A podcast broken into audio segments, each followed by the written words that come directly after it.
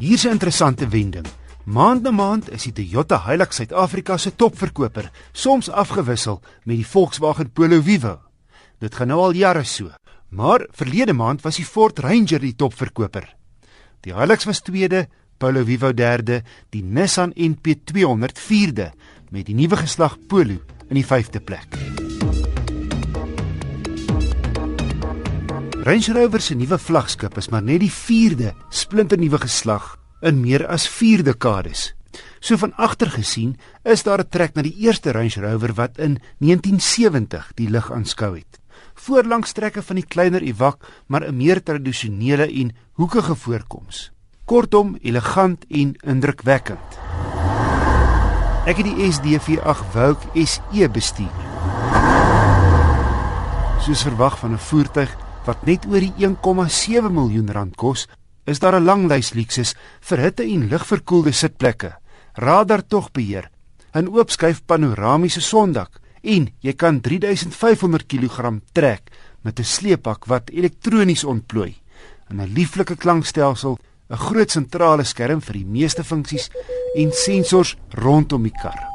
Om net 'n paar kenmerke te noem, ook 'n magte om elektroniese hulp. Bou jy op 'n kar af wat stil staan of baie stadig voor jou ry? dan waarsku hy jou.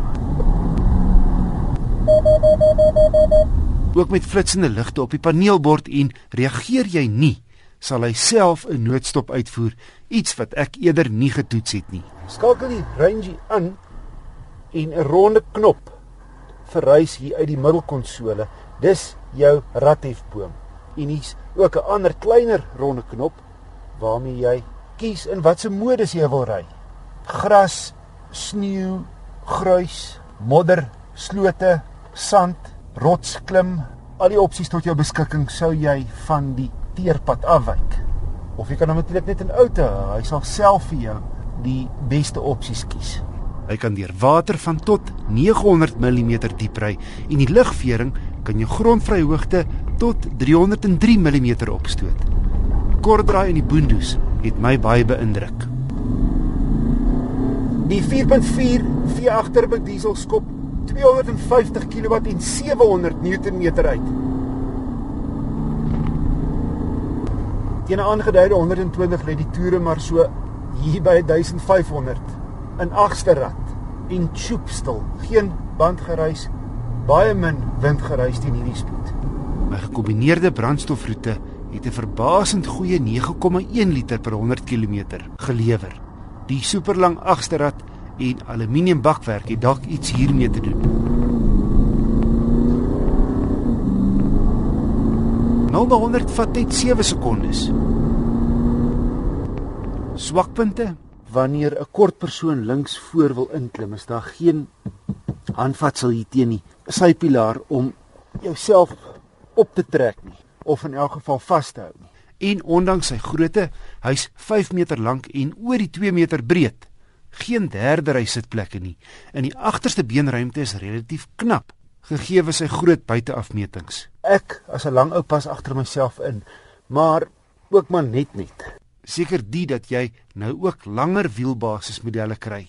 Maar moenie eens vra wat hulle kos nie. Die bagasiedeur maak met die druk van 'n knop oop voor by die bestuurder of op die sleutel Die bagasieruim se bodem is hoog, maar onderin is darm 'n massiewe volgrootte 20 duim alloy spaarwiel. My gevolgtrekking, die Range Rover Vogue SE agterbou diesel se enige terreinvermoëns, gerief, tegnologie en grasie maak die wa regtig spesiaal. Tog maak die Range Rover Sport meer sin. Byna net so groot, maar 'n hele ent goedkoper en verlede maand se verkope reflekteer my gevoel 16 van die grootes teenoor 79 van die sportreeks. 'n Griesame ongeluk wat wyd die week op sosiale media vertoon is, kan gesien word hoe 'n roekelose BMW afslankap teen 'n hoëspoed teen 'n reëling bots en die insittendes soos poppe uit die kar vlieg. Hierdie Kaapsakteur, te bang sy glooi sy veiligheidsgordel gedra, het hy 10 teen 1 vandag nog geleef. My wenk van die week: alle insittendes moet te alle tye vasgegordel wees. Volgende week 'n patoets van Hyundai se Grand i10.